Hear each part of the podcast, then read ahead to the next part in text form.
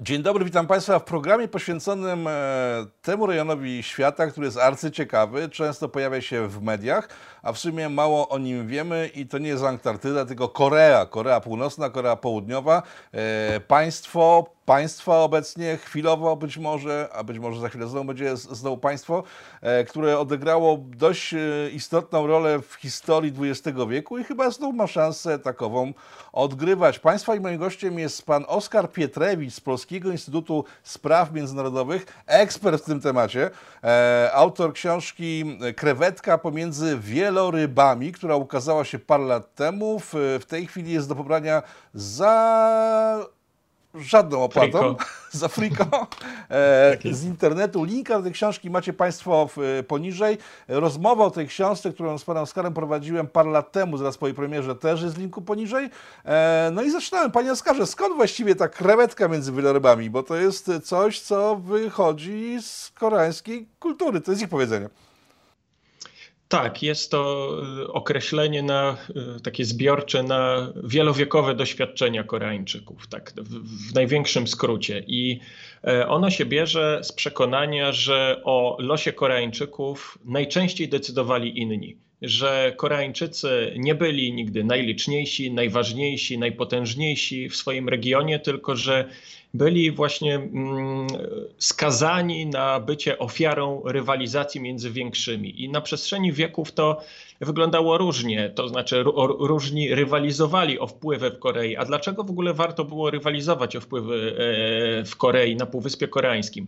No faktycznie, dla nas to jest e, druga strona świata. Natomiast gdybyśmy odwrócili mapę, i tak spojrzeli po azjatycku i właśnie gdzie centrum świata nie jest Atlantyk, tylko Pacyfik, to się okaże, że, a zwłaszcza jeszcze spojrzymy na Azję Wschodnią, to się okaże, że Półwysep Koreański jest właściwie w centrum. E, oczywiście e, Azjaci z Azji Południowo-Wschodniej twierdzą, że tam cieśnina Malakka i tak dalej jest tak samo ważna. Jasne, każdy ma swoją perspektywę, ale Koreańczycy są przekonani, że i to podają wiele przykładów historycznych, że jak decydowały się losy e, ładu regionalnego, to nieuchronnie różne zawieruchy przechodziły przez Półwysep Koreański. Przez wieki Półwysep Koreański był miejscem, no, tak naprawdę można powiedzieć, wieloaspektowej, wielowymiarowej kontroli chińskiej bo to jest, Korea jest doskonałym przykładem tego co, części składowej sinocentrycznego porządku, który funkcjonował przez wiele wieków. I to był porządek zupełnie inny od tego, jaki znamy w realiach, w realiach naszych, europejskich, zachodnich. Na czym on, na, na czym on polegał? Ten porządek sinocentryczny polegał na tym, że to nie było, to nie było relacja między e, równymi, suwerennymi podmiotami. To była relacja z gruntu hierarchiczna, w której na czele stało Cesarstwo Chińskie i Cesarstwo Chińskie widziało świat następująco, według takiej teorii trzech kręgów. Pierwszy krąg to właśnie Cesarstwo Chińskie jako rdzeń cywilizacyjny. Drugi krąg to były państwa, państwa, ludy okalające cesarstwo. I tu między innymi była Korea. I to były e, państwa e, w relacji uprzywilejowanej e, z Chinami, bo to były państwa, które miały pełnić funkcję takiej poduszki ochron, ochraniającej Chiny przed kim? Przed trzecim kręgiem, czyli przed tak zwanymi barbarzyńcami. I barbarzyńcy to byli prawie wszyscy. E, to były i przez e, wieki ludy z północy, czyli Dżurdżeni, Kitanowie, Mongołowie. E, to byli też przede wszystkim Europejczycy w, od XVIII-XIX wieku i Korea była tym punktem, gdzie Chińczycy rozwijali swoje wpływy po to, żeby mieć właśnie taki bufor oddzielający od tych niebezpieczeństw. I ta relacja była, tak jak wspomniałem, relacja chińsko-koreańska była z gruntu nierównoprawna. To, to można było powiedzieć, że to była relacja taka, no właśnie, w której Koreańczycy byli w relacji wasalnej w stosunku do, do cesarza chińskiego ale wcale źle na tym nie wychodzili, bo często mamy takie skojarzenie, że bycie wasalem w naszym rozumieniu to jest podporządkowanie się. Oczywiście w wielu sprawach tak, natomiast to było też korzystne, ponieważ tak naprawdę e, Koreańczycy dzięki temu, że uznawali zwierzchność polityczną, mieli święty spokój na swoim podwórku. To nie było tak, że Chińczycy ciągle ingerowali w sprawy wewnętrzne. Co więcej, z Chin szedł impuls cywilizacyjny, czyli cały dorobek kulturowy był właśnie przekazywany do, do właśnie tej poduszki okalającej cesarstwo chińskie, bo to było też w interesie Chińczyków, żeby te państwa dookoła Chin rozwijały się w zgodzie z tym chińskim kluczem. Żeby I, łączyła i je wspólna kultura. Tak, tak. I to są oczywiście, i to są wpływy i konfucjańskie, i buddyjskie, i, i rozwiązania takie już czysto y, przemysłowe, znaczy takie jeszcze przed, przed erą przemysłową, ale taki rozwój, ale też rozwój bardzo właśnie rozwój e, społeczny, bo e, zwykliśmy kojarzyć, słusznie, bo stamtąd się wywodzi konfucjanizm z Chinami, ale tak naprawdę przez wieki takim turbo, ultrakonfucjańskim społeczeństwem e, była Korea właśnie, która e, rozwinęła u siebie tak zwany neo neokonfucjanizm, właśnie e, uznając, że e, wypada podkręcić pewne wzorce e, chińskie. I wspominam o, tej, o tym wpływach chińskich, gdyż one tak naprawdę do XIX wieku kształtowały spojrzenie Koreańczyków na świat, że właściwie jeśli kontakty z innymi, to przez ten chiński bufor.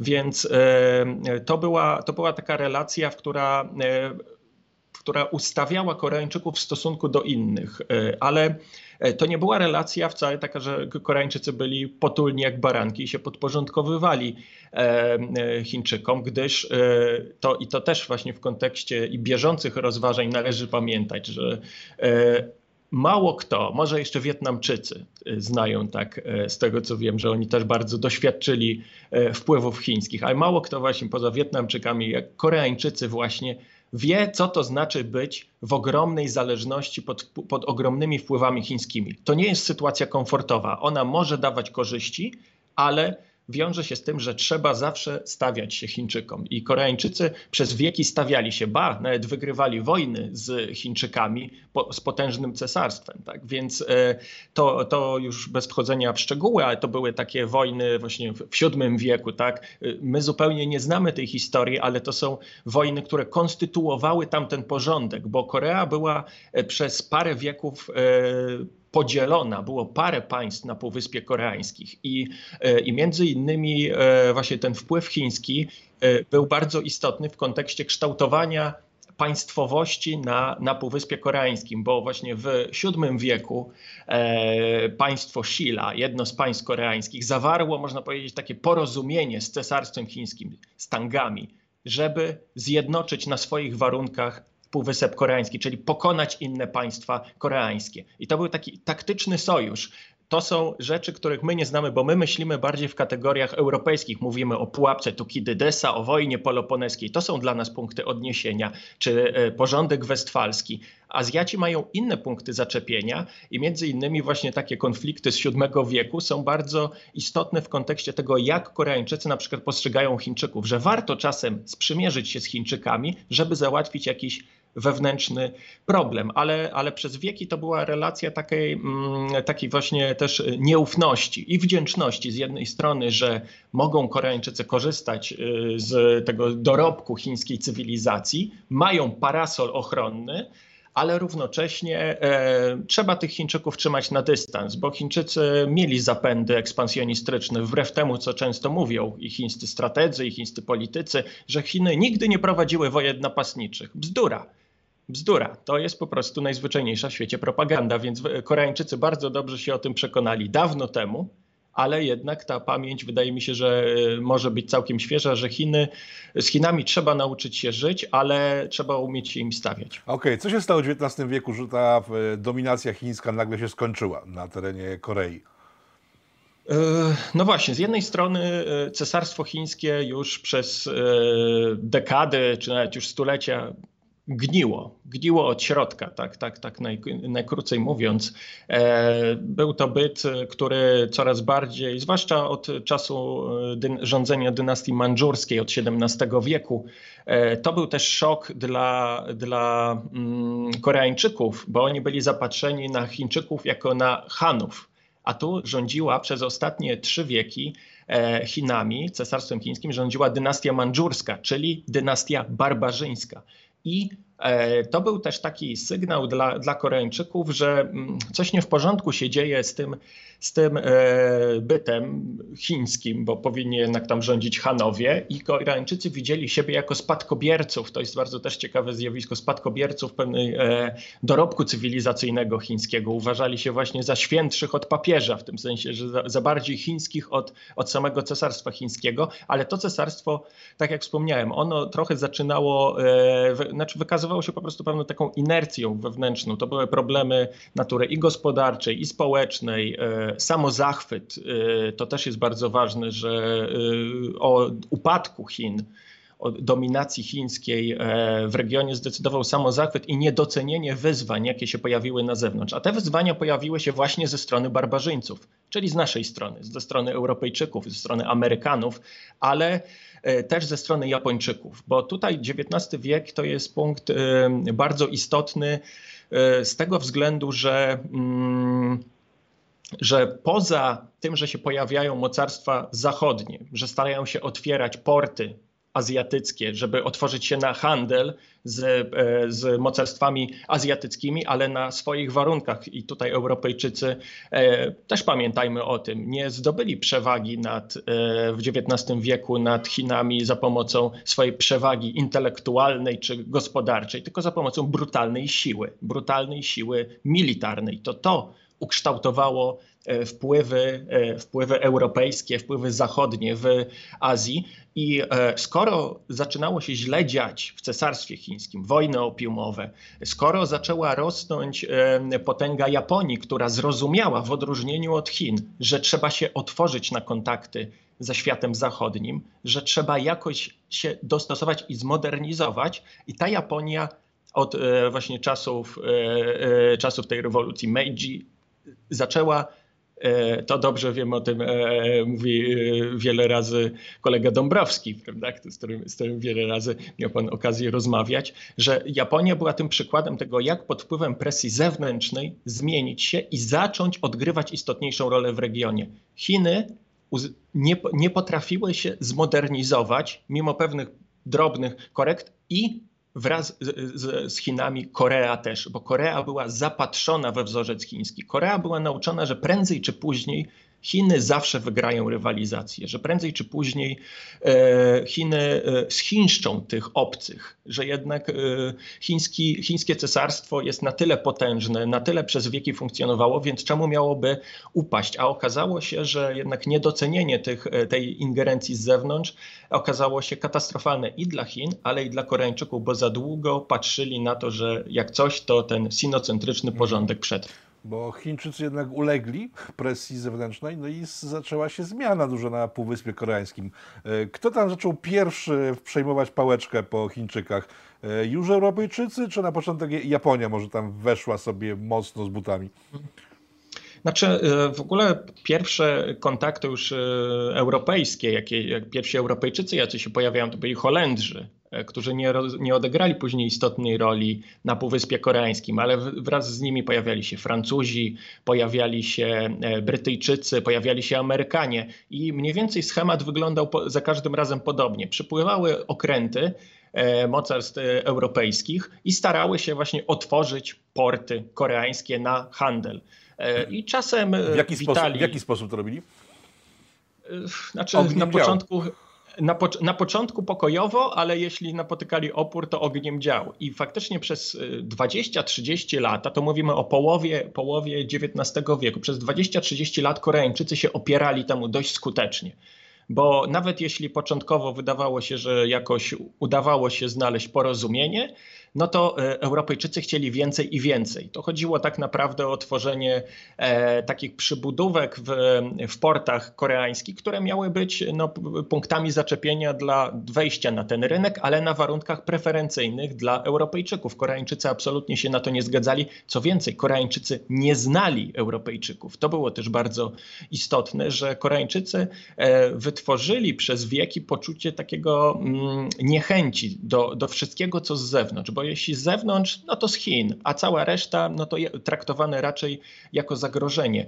I e, o, o ile mówię, na początku, tak jak my mówimy, że witamy chlebem i solą, to oni raczej ryżem i kimchi mogliby e, witać, e, ale później widłami, widłami, tak i tyle. I przecież jest przykład chociażby bardzo traumatyczny w relacji koreańsko-amerykańskiej, że gdy w 1866 roku amerykański okręt generał Sherman zawitał, no to spotkało się to z wrogą reakcją Koreańczyków i na e, kilkadziesiąt lat przynajmniej ukształtowało spojrzenie, że Amerykanie no, na pewno to są ci źli. Z dzisiejszej perspektywy Korei Południowej to jest trudne do pomyślenia, bo przecież to jest kluczowy sojusznik, ale, ale równocześnie pierwsze kontakty były bardzo bolesne. Więc Europejczycy się dobijali, ale okazało się, że e, jednak tak naprawdę e, dużo sensowniejsze, w sensie dużo bardziej przemyślane, zaawansowane myślenie o tym, co zrobić na Półwyspie Koreańskim miała Japonia.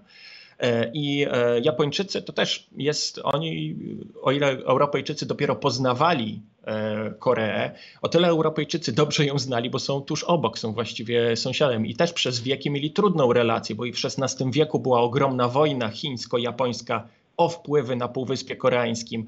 E, wtedy Japończycy, wycofując się z Korei, bo przegrali tę wojnę, e, obcinali uszy i nosy e, Koreańczykom, co Koreańczycy do dziś wypominają, że wiedzą, co, co się wtedy działo. Więc były pewne doświadczenia i Japończycy traktowali sprawę tak. Jeśli są oznaki właśnie wewnętrznej słabości cesarstwa chińskiego, pojawiają się mocarstwa zachodnie, to musimy odegrać rolę większą w tym regionie. I jaka jest szansa? Szansa to jest, jak wejść z pozycji państwa wyspiarskiego do, na kontynent przez Półwysep Koreański. Przez, Droga, przez miękkie podbrzusze. Tak, przez miękkie podbrzusze. I właśnie tam w warunkach tego, że musimy pamiętać o to, że tak naprawdę po właśnie tej wielkiej wojnie chińsko-japońskiej z XVI wieku e, państwo koreańskie tak podobnie do państwa chińskiego e, obumierało. Obumierało, e, było coraz słabsze, tam masa walk frakcyjnych, e, brak modernizacji czegokolwiek. To był taki e, bardzo nieudany projekt polityczny, który funkcjonował dzięki temu, że jeszcze to Chiny podtrzymywały.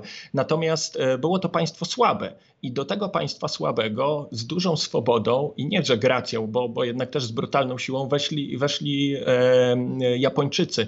Na początku właśnie też na podobnych zasadach jak Europejczycy, to znaczy starając się uzyskać koncesje handlowe w, w, w Korei tylko że Japończycy mieli e, dużo większe wpływy i dużo większe rozeznanie co do tego, co się dzieje i na dworze koreańskim i mieli też większe możliwości nacisku. I chociażby właśnie pierwszy traktat, jaki Korea zawarła, nowoczesny traktat w nowoczesnym rozumieniu, e, to był traktat z Gangba z 1876 roku, właśnie podpisany z Japonią. I to i, i Dlaczego doszło w ogóle do tego traktatu? Gdyż Chiny z Japonią porozumiały się, Chiny się zgodziły odstąpić pewne swoje wpływy, pewne swoje interesy Japonii, wiedząc, że no, trzeba ustąpić. E, I Japonia nie zadowoliła się tym. Tylko, że kolejne lata, koniec XIX wieku, to mamy kolejnych, którzy tam mają e, duże, e, wykazują duże zainteresowanie. To są Rosjanie bo Rosja, Rosja carska była właśnie tym e, państwem z zachodnim w rozumieniu Azjatów. Dla nas e, to nie, nie postrzegamy Rosji jako zachodu, ale, ale byli to, był, był to, było to mocarstwo zachodnie, które e, właśnie zaczęło bardzo też starać się wykorzystać upadek czy, ten, czy tą słabnącą pozycję Chin i tak jak wchodzili Europejczycy właśnie zachodni, czy to był Brytyjczycy, Amerykanie, Francuzi, Portugalczycy, Holendrzy i tak dalej, to Rosjanie z kolei drogą lądową od północy. I tym naturalnym, naturalnym też wejściem do tej rozgrywki wielkomocarstwowej było, e, było wykorzystanie tej sytuacji na Półwyspie Koreańskim. I, e, ten, I tu się, można powiedzieć, spotkały te konkurencyjne, sprzeczne, rywalizujące ze sobą mocarstwa rosyjskie i japońskie właśnie na Półwyspie Koreańskim E, na przełomie XIX i XX wieku. I to są, Jeszcze... to są te wieloryby, które wokół, pomiędzy którymi krewetka maleńka pływa, jak się określają Koreańczycy. Dokładnie tak, dokładnie tak. I to jest e, zresztą właśnie ten, bo ten wieloryb chiński był od zawsze, a tu się jeszcze kolejne pojawiały i ten wieloryb, e, wieloryb chiński był coraz słabszy, coraz słabszy, ale te inne zyskiwały na znaczeniu. I mieliśmy właśnie przy, na przełomie XIX i XX wieku tak naprawdę takie wpływy E, rywalizację o wpływy, kto e, zdobędzie, to będzie, jakie będą dominujące frakcje na, w państwie i na dworze królewskim e, koreańskim. Kto wygrał? Bo i, i Ros przez jakiś czas Rosjanie bardzo dobrze e, e, radzili sobie, dlatego że pojawiła się taka frakcja w, w Korei, widząca w Rosji pewną szansę na utrzymanie tego, co było przez wieki w miejsce, w miejsce e, Chin.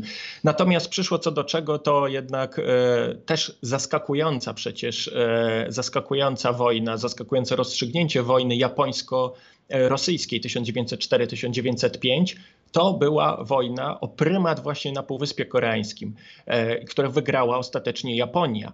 I po 1905 roku, właśnie po, tym, e, po tej wojnie z Rosją, Japonia ma otwartą drogę do kontroli nad Półwyspem Koreańskim. I Koreańczycy właściwie nie mogą nic z tym zrobić. 1910 jest e, tak naprawdę wkomponowanie Korei w do Japonii. Tak? To, jest, to jest okres okupacji trwający 35 lat, który był ogromną traumą dla Koreańczyków. Do dziś jest, bo e, dla Koreańczyków rządy japońskie bardzo łatwo oni podsumowują. Po prostu wynarodowienie. Z kolei Japończycy podnoszą, że oni nadali impuls cywilizacyjno-rozwojowy. Czasem spotykałem się z takimi porównaniami, że, że to troszkę jak e, ocena e, zaboru pruskiego w Polsce, że z jednej strony e, szkody społeczno-polityczne, a z drugiej strony, no, jeśli już być pod zaborem, no to pod takim, który przynajmniej jakiś impuls rozwojowy daje. Więc Japończycy często podkreślali, że gdyby nie ich obecność, to, y, to Korea stałaby w miejscu rozwojowo. Zresztą wiele, y, część zaplecza przemysłowego w obecnej Korei Północnej to jest zaplecze stworzone y, kilkadziesiąt lat temu przez Japonię, przez okupanta, ale przez okupanta, który no właściwie wydaje mi się, że tutaj ja bliżej jestem tej ocenie koreańskiej, że okupanta, który nie miał wątpliwości co do tego, co należy zrobić z Koreańczykami zwłaszcza kiedy zaczęli Koreańczycy w warunkach okupacji się buntować, bo to też jest bardzo, tak można powiedzieć, niepokorny naród. Oni, e, mimo tych wielu wieków pod parasolem chińskim, wcale nie, nie mieli ciągot w kierunku tego, żeby stać się Chińczykami. Oni uznawali prymat chiński politycznie, ale równocześnie rozwijali e, swoją kulturę i zresztą się bardzo odróżniają pod każdym względem od Chińczyków, ale też od Japończyków. I nowoczesny nacjonalizm koreański rozkwit w warunkach okupacji japońskiej. I to jest bardzo istotny taki punkt, który e, do dziś ma znaczenie w relacjach Korei Południowej z Japonią i Korei Północnej z Japonią i w ogóle do tego, czym są Koreańczycy. Koreańczycy wykuli swoją nowoczesną tożsamość w opozycji do Japonii, bo ta Japonia dała im się okrutnie we znaki. Nie dość, że zastąpiła jako to najbardziej e, wpływowe mocarstwo na kilkadziesiąt lat Chiny, to jeszcze zastąpiła w sposób właśnie nie chiński, tylko jednak tak no, dusząc e, koreański naród. Więc oni bardzo to tak ciężko doświadczyli. Paradoksem tej sytuacji jest fakt, że kiedy weszli Amerykanie po wygranej wojnie z, z Japończykami, e, zostawili całą administrację japońską. Nie wiem, oni nie rozpoznawali w, w narodowości tych urzędników, czy po prostu stwierdzili, że skoro są urzędnicy, którzy tam działają, to należy ich zostawić, bo to był początek następnego dużego konfliktu. Tak, no to jest rzecz, e, która Y, pokazywała tylko to, że Amerykanie byli nieprzygotowani do tego, co robić z Półwyspem Koreańskim. Y, to jest rzecz, która zresztą bardzo początkowo ukształtowała podejście Koreańczyków do Amerykanów, bo faktycznie Amerykanie po 1945 roku, jak się pojawili właśnie e, na Półwyspie Koreańskim, e, nie jawili się jako ktoś, kto jest lepszy od Japończyków, bo właśnie to, co pan wspomniał, y, administracja częściowo została japońska, były kwestie tam y, praw własności, y, nieregulowane po, po myśli Koreańczyków, czyli że bardziej preferencyjnie Amerykanie traktowali Japończyków, którzy przecież się bardzo wzbogacili na okupacji, na wydrenowaniu e, Koreańczyków przez, przez dekady. E, I co więcej, Amerykanie nie uznawali lokalnych władz koreańskich, koreańskiego można powiedzieć, ruchu niepodległościowego nie uznawali, nie uznawali tak zwanych e, komitetów ludowych, bo wtedy Amerykanie patrzyli dość e, w tych okolicznościach dość zero-jedynkowo na sytuację na świecie. Skoro e, jakieś komitety ludowe, ta nazwa ludowe, prawda, wiadomo co to jest, czerwoni, komuniści, czyli trzeba po prostu to tłamsić. A tak naprawdę, jeśli się spojrzy na to, kto wchodził w skład tych komitetów ludowych, to było coś na wzór e, rządu takiego, takiego jakiegoś zjednoczenia narodowego, czegoś, e, gdzie były bardzo różne siły. Oczywiście byli też i socjaliści, i komuniści, ale, ale był to, było to jakieś przedstawicielstwo narodu koreańskiego. Jeśli Koreańczycy w pierwszych latach obecności amerykańskiej zobaczyli, że e, Amerykanie zupełnie tego nie respektują i przywieźli ze sobą tak naprawdę człowieka, który e, był mało, mam tu na myśli pierwszego prezydenta Korei Południowej, Isingmana, który był człowiekiem w, znacznym stopniu wykształconym w Stanach Zjednoczonych. Zdaje się, że on Harvard skończył i, i miał jakieś takie mm, tak naprawdę bardzo ideologiczne spojrzenie pomyśli Amerykanów E, to, to Koreańczycy postrzegali Amerykanów jako takich, którzy chcą zaprowadzić rządy po swojemu, jeszcze wykorzystując tych przeklętych Japończyków. Więc, ale to wynikało też w znacznej mierze z tego, e, jakie mimo, że byli potężnym państwem, które wygrało e, wojnę światową Amerykanie i pokonali Japonię, E, to było to wówczas i to jest bardzo ciekawe, bo, bo, bo często tak z dużym zachwytem mówimy o Amerykanach, że oni zawsze świetnie przygotowani. Właśnie byli nieprzygotowani, bo między innymi e, nie było zaplecza takiego nazwijmy to intelektualno-naukowego e, w, w Stanach Zjednoczonych. Nie było tak zwanych studiów regionalnych. Dopiero po właśnie jak Amerykanie musieli się zająć sprawami azjatyckimi,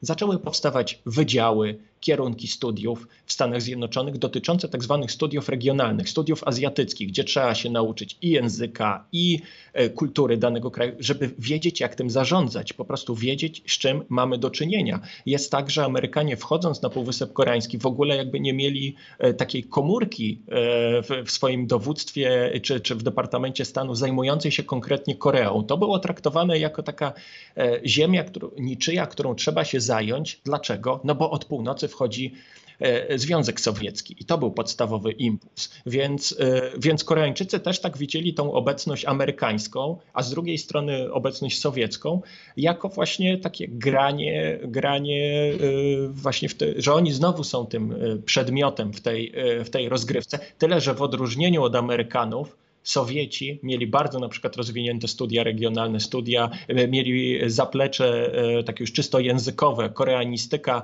za rządów, e, za czasów carskich już była bardzo rozwinięta. Co więcej, mieli już, no wydaje się, takie historyczne też większe doświadczenie Rosjanie na Półwyspie Koreańskim niż Amerykanie, więc pierwsze lata paradoksalnie wydawało się, że po 1945 roku lepiej przygotowani do tego, co robić na Półwyspie Koreańskim, byli Rosjanie. Natomiast e, prawda jest też taka, i to musimy pamiętać, że sobie ustanowili e, państwo satelickie w postaci Korei Północnej i przywieźli Kim Il-sena jako właśnie swojego mianowanego, który nie za bardzo też miał problemy początkowo z językiem koreańskim i tak dalej, i tak dalej, więc on był takim osobą właściwie nieznaną Koreańczykom, ale za to e, służył e, w Armii Czerwonej, wspierał Chińczyków e, też w trakcie, w trakcie wojny z okupantem japońskim, więc znalazł się doskonale, ale, ale widać było, że po 1945 roku mało na Półwyspie Koreańskim było wpływu koreańskiego i to strasznie bolało jednych i drugich Koreańczyków. Jak doszło do konfliktów w, w, w Korei, tego, który zakończy się w końcu trwałym, jak na razie, podziałem e, Półwyspu? Znaczy w ogóle podział, podział, jest, e, podział jest od 1945 roku. Wojna zaczęła się w 50.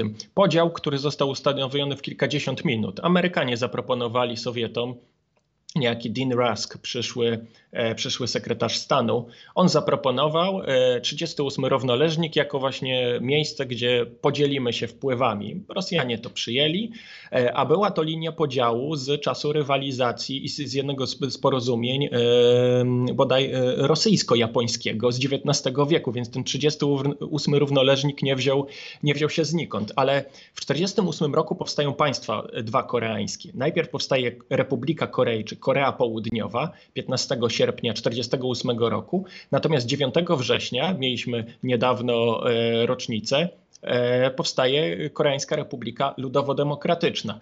I e, oczywiście do konfliktu dochodzi w wyniku, i tu nie mamy co do tego najmniejszych wątpliwości, po odtajnieniu y, sowieckich y, dokumentów i, i różnego rodzaju relacji, że to Kim Il-sen, zwany, bo to jest nasza nazwa Kim Il-sen, on normalnie się nazywa Kim Il-sung, ale tam się przyjęło, także mówimy e, Kim Il-sen, więc ja używam tej nazwy. On miał aspiracje no, takie bardzo zjednoczeniowe, tylko to zjednoczenie ma nastąpić e, na drodze czynu zbrojnego. Po prostu należy wykorzystać e, słabość Korei Południowej, wykorzystać to, że Amerykanie nie wiedzą, co robić na Półwyspie Koreańskim. Co więcej, Amerykanie e, po dwóch, trzech latach od obecności, po 1945 roku, e, zaczęli się wycofywać z Półwyspu Koreańskiego. I to było bardzo bacznie obserwowane przez Koreę Północną, e, której przywódca widział właśnie w tym szansę dla zrealizowania swojego no właśnie marzenia o tym, żeby będzie jedna Korea, będzie jedna komunistyczna Korea pod rządami Kim Il-sena i zabiegał przez e, wiele miesięcy Kim Il-sen o błogosławieństwo polityczne i wsparcie, możliwie jak największe wsparcie realne w, Związku Sowieckim i w Chińskiej Republice Ludowej, która powstaje w 1949 roku. E, I e, tak naprawdę już właśnie w 50 roku jest przekonany co do tego, że będzie to wsparcie, E, będzie to wsparcie, to wsparcie zresztą jest już od 1945 roku, zwłaszcza sowieckie, to znaczy, że e, uzbrojenie armii, stworzenie armii, tak naprawdę koreańskiej armii ludowej, czyli tej północnej, e, to jest zasługa Związku Sowieckiego, ale jest potrzebne no właśnie przyzwolenie polityczne, bo jest obawa, że czym się zakończy ten konflikt. Czy będzie tylko chodziło o Koreę, czy to się dalej, dalej rozniesie po regionie? Jaka będzie reakcja Stanów Zjednoczonych? I i to jest ciekawy bardzo, ciekawy bardzo przykład takiego błędnych kalkulacji. Ta wojna wybuchła z powodu błędnych kalkulacji. Amerykanie nie wierzyli, że dojdzie do wybuchu e, wojny na Półwyspie Koreańskim. E, nie brali w ogóle tego pod uwagę, a poza tym e, już właśnie 47-48 rok publicznie amerykańscy, przedstawiciele amerykańskiego rządu, amerykańskiej administracji podkreślają, że to nie jest amerykańska strefa wpływów. Japonia, owszem, ale Półwysep Koreański nie bardzo. To Wysyłają... czyją, czyją to miałby strefę wpływu w takim razie? No właśnie, to oznaczało, że tak naprawdę jeśli, jeśli nie e, amerykańską, to sowiecką.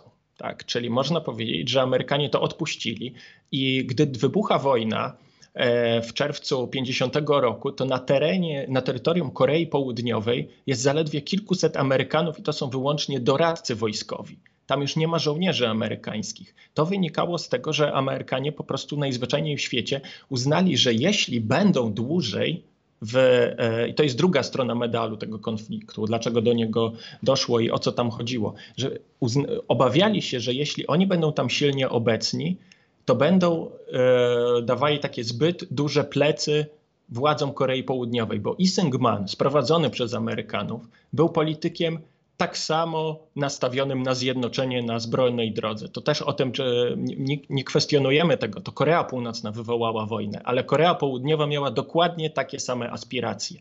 I Amerykanie obawiali się wciągnięcia do konfliktu, którego nie chcieli, e, w którym nie chcieli brać udziału. Obawiali się, że jeśli będą dozbrajać Koreę Południową, to ta Korea Południowa wykorzysta te amerykańskie plecy, żeby rozpocząć wojnę z Koreą Północną. I, i wydaje się, że e, to, co, bo mówię o, o tych, o pewnym e, nieporozumieniu, czy takiej, czy takiej, e, no właśnie, no nieporozumieniu, złej kalkulacji. Kim Il-sen rozpoczął wojnę wierząc, że ona będzie krótka, łatwa i przyjemna. Taki północno-koreański blitzkrieg i nie będzie oporu. I zgadza się, nie było oporu, bo armia południowo-koreańska była bardzo słaba. Nie było Amerykanów, więc byle na południe. Jak nóż e, masło. I, tak, jak nóż masło i e, tyle, że nie spodziewali się Koreańczycy z północy, E, I wydaje się, że też i Sowieci, i Chińczycy, że tak szybko zdecydowanie zareagują Stany Zjednoczone. Jednak. Bo Stany Zjednoczone jednak szybko zrozumiały, że to jest bardzo niebezpieczne. To jest bardzo niebezpieczne dla nie tyle dla samej Korei, bo Korea to pół biedy, dla Japonii, co będzie dalej, jeśli będzie skomunizowany cały Półwysep Koreański, co będzie dalej z amerykańską obecnością w Japonii i w całym regionie Azji i Pacyfiku. Więc e, obawiając się efektu domina, e, Amerykanie zdecydowali się na na zaangażowanie się w ten konflikt e, i na, na skalę przeogromną. Tak? To jest, e, mamy masę też filmów południowo-koreańskich e, z ostatnich lat, chociażby oni bardzo, tak, bitwa o, o Incheon i tak dalej, i tak dalej. To jest wiele dobrego kina, uważam, wojennego, pokazującego, że Amerykanie nie cackali się. Oni po prostu poszli na całość, a byli dopiero co po ogromnym wysiłku wojennym 1945 roku. Więc to też musimy brać brać pod uwagę. To było społeczeństwo zmęczone, to była armia zmęczona.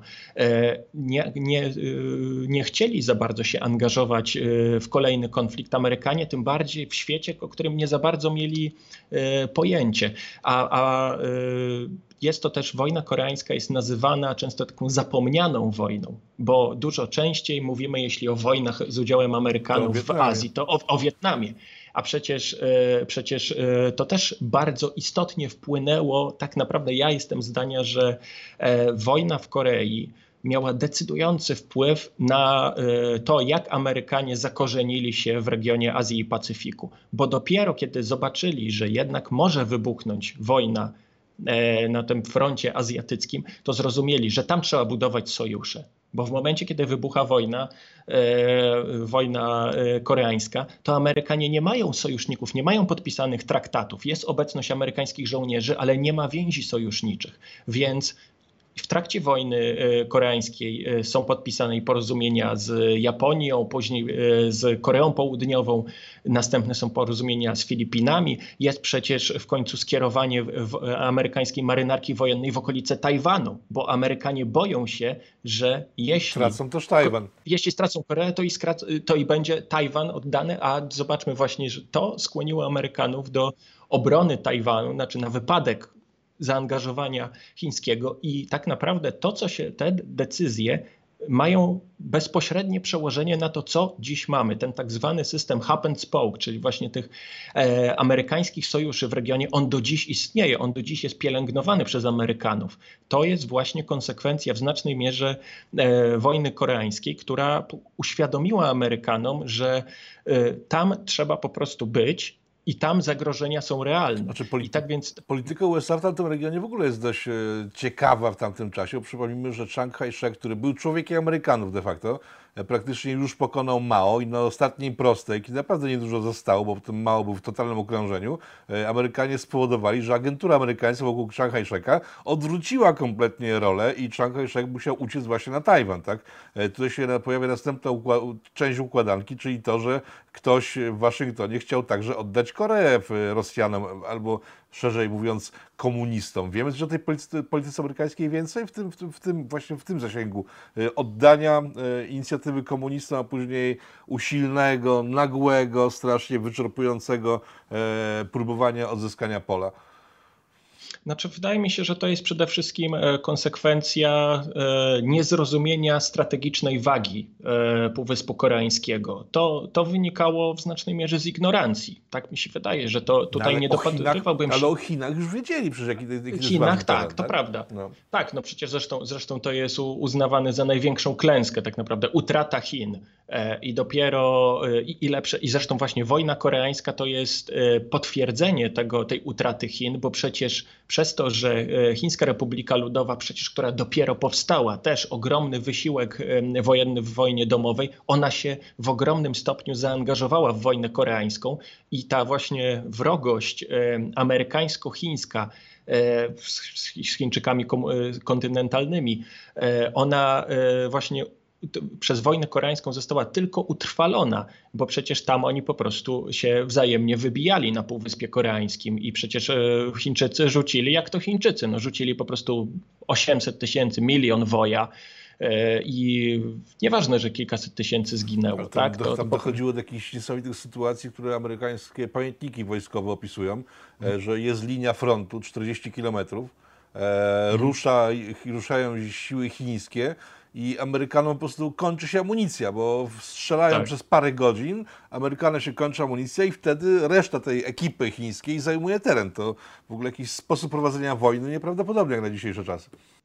Tak, no zresztą to, to właśnie to było, to by się okazało no właśnie takie mm, kluczowe dla, dla tego, jak Amerykanie później zaczęli postrzegać to, co się dzieje na Półwyspie, że z jednej strony to jest rywalizacja ze Związkiem Sowieckim, taka globalna i regionalna, ale nie można zapominać o Chinach, bo Sowieci e, się odwrócili od Korei Północnej tak naprawdę. Oni dawali błogosławieństwo polityczne E, wsparcie wojskowe, jasne, ale, e, ale Związek Sowiecki nie zaangażował się bezpośrednio w konflikt, obawiając się, że to wywoła konflikt globalny ze Stanami Zjednoczonymi, więc tutaj wysłużono się Chińczykami. Ale Chińczycy nie, że się dali tak wrobić, tylko Chińczycy też walczyli o swoją przyszłość, bo wiedzieli właśnie z racji historii, że z Półwyspu Koreańskiego nadchodzi zagrożenie. Jeśli Chińczycy by się nie zaangażowali, to mieliby perspektywę graniczenia z Koreą pod wpływami amerykańskimi. To była perspektywa e, no, nie do zaakceptowania.